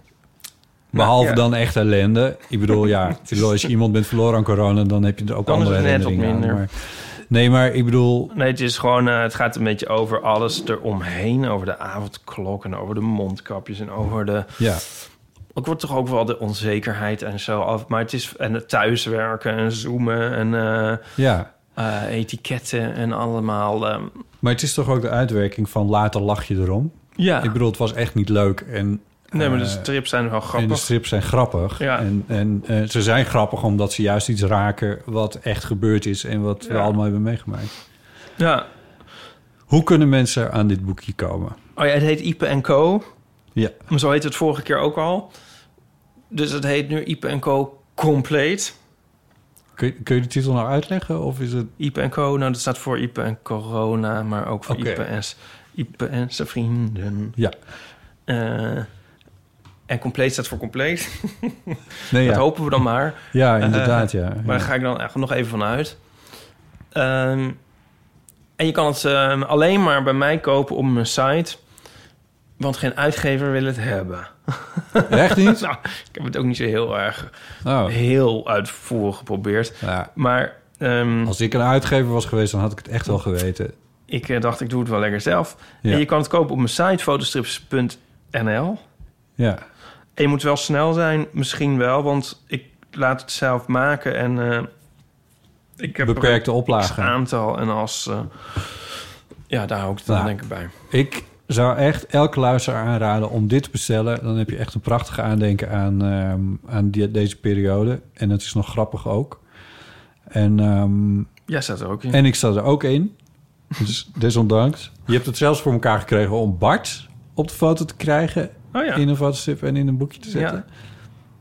Terwijl Bart nooit wil worden gefotografeerd. Nee. Eh, dus eh, doe dat mensen. Fotostrips.nl Fotostrips.nl Fotostrips.nl Alright. Eh, er is nog een brief binnengekomen. Oh. Zullen we dat uh, tenslotte dan Ja? nog even doen? Ja? Ehm, dat is een, eh, een briefje van Geeske. Leven Vreun, wat weer een heerlijke aflevering met Aaf. Ze heeft een aanstekelijke lach en ze komt volstrekt eerlijk en authentiek over. Ik hou ervan. Dan was er de Amsterdamse Anne die graag naar Friesland wilde verhuizen en dan het liefst naar Pingjum. Ik kan best wel begrijpen dat mensen romantische gedachten hebben bij het wonen in een klein en rustig dorp. Wij hebben ook bijna 25 jaar in Scharnegoud gewoond en vonden ons daar helemaal thuis. Onze kinderen zijn er geboren en wij waren actief in de sport en in het verenigingsleven. Prachtige tijden gehad met onze cabaretgroep. Maar toen wij in 2002 naar Amersfoort verhuisden en in 2017 plannen maakten om terug te keren naar Friesland, was het wel meteen duidelijk voor ons: niet naar een dorp, maar naar een stad. Leeuwarden was de eerste keus en gelukkig vonden we daar een leuk huis. Bottes advies aan Anne om eerst wat te huren en er een paar seizoenen te verblijven lijkt mij een heel goede tip. Dan ben ik nog in shock over het nieuws van Ipe. Nico gaat een jaar naar Amerika. Het lijkt wel een self-fulfilling prophecy al beschreven in Het Nadeel van de Twijfel. Het Nadeel van de Twijfel is ook nog te verkrijgen via fotostrips.nl trouwens. Alleen Nico vertrekt niet voor een paar weken, maar een heel jaar. Ik wens voor Ipe dat hij heel veel afleiding en steun van familie en goede vrienden krijgt om deze periode door te komen. Ik wens hem en Nico veel sterkte. En voor Nico ook veel plezier en voldoening bij deze uitdaging. Veel liefs en tjus. Geeske. Ik merk dat meer mensen geschokt zijn door dit nieuwtje. Ja, ik wist het al een tijdje. Ik was ook wel geschokt, maar... Ja. Oh shit, ik wilde er net nog bij zeggen van... ehm, Nico heeft wel het ook zo gemaakt dat je het ook nog met knopjes kan doen, het licht. Want nu heb ik hem misschien een beetje... Moet ik even Ja, voor de verlegenheid zeg ik er nog even bij. Oké, Nee, oké. mensen, goed, Ja, ja, fijn. is- Ja, ja. Ja, geschokt, ja. Een eh, nou ja. en een correctie. ja. Ja, het is zo, ja. Ja. Ehm, ja, je bent er zelf heel, heel luchtig eh, over eigenlijk. Ja. Nou ja, of ja, ja, we zien het wel. Ja. We zien het wel. Sta je ervoor, dan moet je erdoor. nou, nu, nu Geeske dit schrijft, zijn een paar reacties misschien toch nog even van de Vriend van de Show pagina ook. Ja, Die ja. hier ook op inspelen. Op deze, op deze kwestie. Ja, want eh, Anne zelf die had nog gereageerd. Ehm, die bedankt jou voor je tips. En die zei tegen mij dat het niet haar bedoeling was... om de eeuwenfoon schaamteloos als een soort funda te gebruiken. Het was meer een soort niets geschoten is altijd mis. Ja, dat had ze ook al gezegd. Ja, maar ehm, toen zei ik, nou, laat maar weten of het iets oplevert. En toen heeft ze ons bijvoorbeeld uitgenodigd voor een Friese diaspora oude schuurwarming party. Eh, maar, er zei dus ook nog, Leonie had hier nog wel een grappige anekdote bij die daarbij aansluit. Eh, Leonie schrijft... Aaf die er pas in de kop van Friesland achterkomt... dat het daar enorm waait. Puntje, puntje, puntje. Mijn zus stond al in Zweden naar een huis te kijken... met nog vijf bezichtigingen te gaan... toen zij hoorde dat daar zes maanden per jaar sneeuw ligt. Meteen klaar, nu naar huis. Oh ja.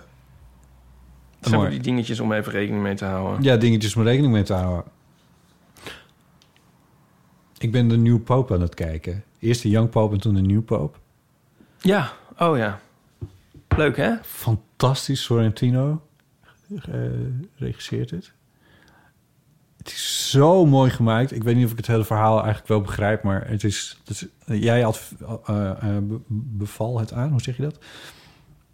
Eh, maar daar gaat het op een gegeven moment ook over... eh, dan zijn ze in Engeland... waar ehm, John Malkovich ineens Brits spreekt... Ehm, maar waar het ook de hele tijd regent.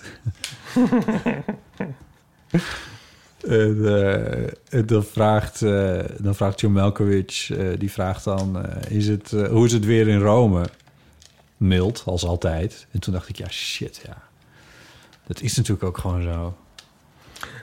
Ja. Waarom zijn wij hier? Waar- waarom heeft iemand ooit een paal hier in dit moeras geslagen en gezegd... zo, ik ga Amsterdam beginnen? Maar dat is zo raar, want dat denk ik zo vaak, want dan zie je zo, eh, weet ik veel, eh, een documentaire over mensen die, weet ik veel, in. eh, ik kom nergens op. In zo'n land wonen waar het nooit licht wordt en zo. En Oh, het ja. altijd donker en altijd sneeuw en Ja. zo. En dan denk je van, wat doe je daar? Dan ga je toch lekker ergens anders heen en zo. Maar alsof wij optimaal zitten. Ja, nee. Nee, nogal niet, nee. Nee. Nee, maar het komt helemaal niet in mij op om ergens anders te gaan wonen. Ja, het ging toen ook eventjes in die serie over van, van wat doet het nou eigenlijk met een mens? Het waren een paar kort van die, van die Sorrentino-regeltjes die daarover werden uitgesproken. En toen dacht ik van ja, misschien, misschien is daar wel veel over te zeggen. Over wat het, wat het, het weer en het klimaat waar je woont, wat dat nou eigenlijk met, met jou als mens en je levenshouding doet. Ja, dat denk ik wel. Dus misschien iets voor een volgende keer. Kunnen we over nadenken. Ehm, bellen naar de eeuw van kan op eh, 06 1990 68 71. En eh, verhalen in brede zin eh, zijn natuurlijk welkom. Maar mocht je nou net bijvoorbeeld hebben geluisterd naar dat horrorverhaal over dat zwarte geld uit Zwitserland en die. eh, dat is eigenlijk het enige wat ik daarvan heb onthouden. Dat is ook niet oké. Eh, maar goed, voor het verhaal van Celine. En je dacht van, oh, maar daar heb ik ook nog een verhaal bij. Of Die ik heb ur- ook een keer een dag doorgebracht met een eend. met, met, of met een urn van je vader, van iemands vader, dan, ehm, eh, en je had daar wat associaties bij, dan mag je dat natuurlijk altijd even in, inspreken als je daar een, een anekdote bij hebt. Ehm, je kan ook vriend van de show worden. Ga dan naar vriendvandeshow.nl slash eeuw. Eh, we hebben momenteel 404 mensen met een abonnement. Waar, waar, wie, waar? Eh, dus dat is natuurlijk mooi. Ehm, en nieuwe of hernieuwde vrienden van de show zijn hij, Jacques of Jacques Nijs. Kobe, Herma. Dorine, Paul. Esther. Heel erg bedankt voor Ja. jullie steun. Ik heb overigens het gevoel dat wij eh, erg veel Dorines hebben als vriend van de show. Misschien heeft zij een soort geheugenverlies en blijft ze zich maar aanmelden. Nou ja, dat is misschien... misschien ja, ik weet het niet. Ja, ik vind het wel leuk hoor. Ik vind het gezellig. Ehm, je kan ons ook bereiken via uh, botten.eeuwvandeamateur.nl. Daar kun je mailen als je wil. En je kan ons ook volgen op Instagram. Ons Instagram is... eh, wat is ons Instagram? Ik niet, hey, iets met eeuw en amateur. Eeuw van Eeuw VD amateur. Nee, oh nee, dat was onze Twitter. Onze, ja, nou ja, goed. Anyway. Als je het zoekt, dan vind je het wel. Heel van amateur. Ehm, en vond je deze aflevering leuk, dan eh, kun je misschien ook delen met eh, vrienden, familie of collega's. Eh, tot zover. Ipe, dankjewel. Graag gedaan. Jij ook bedankt, Potten. En tot de volgende keer. Tjus. Tjus.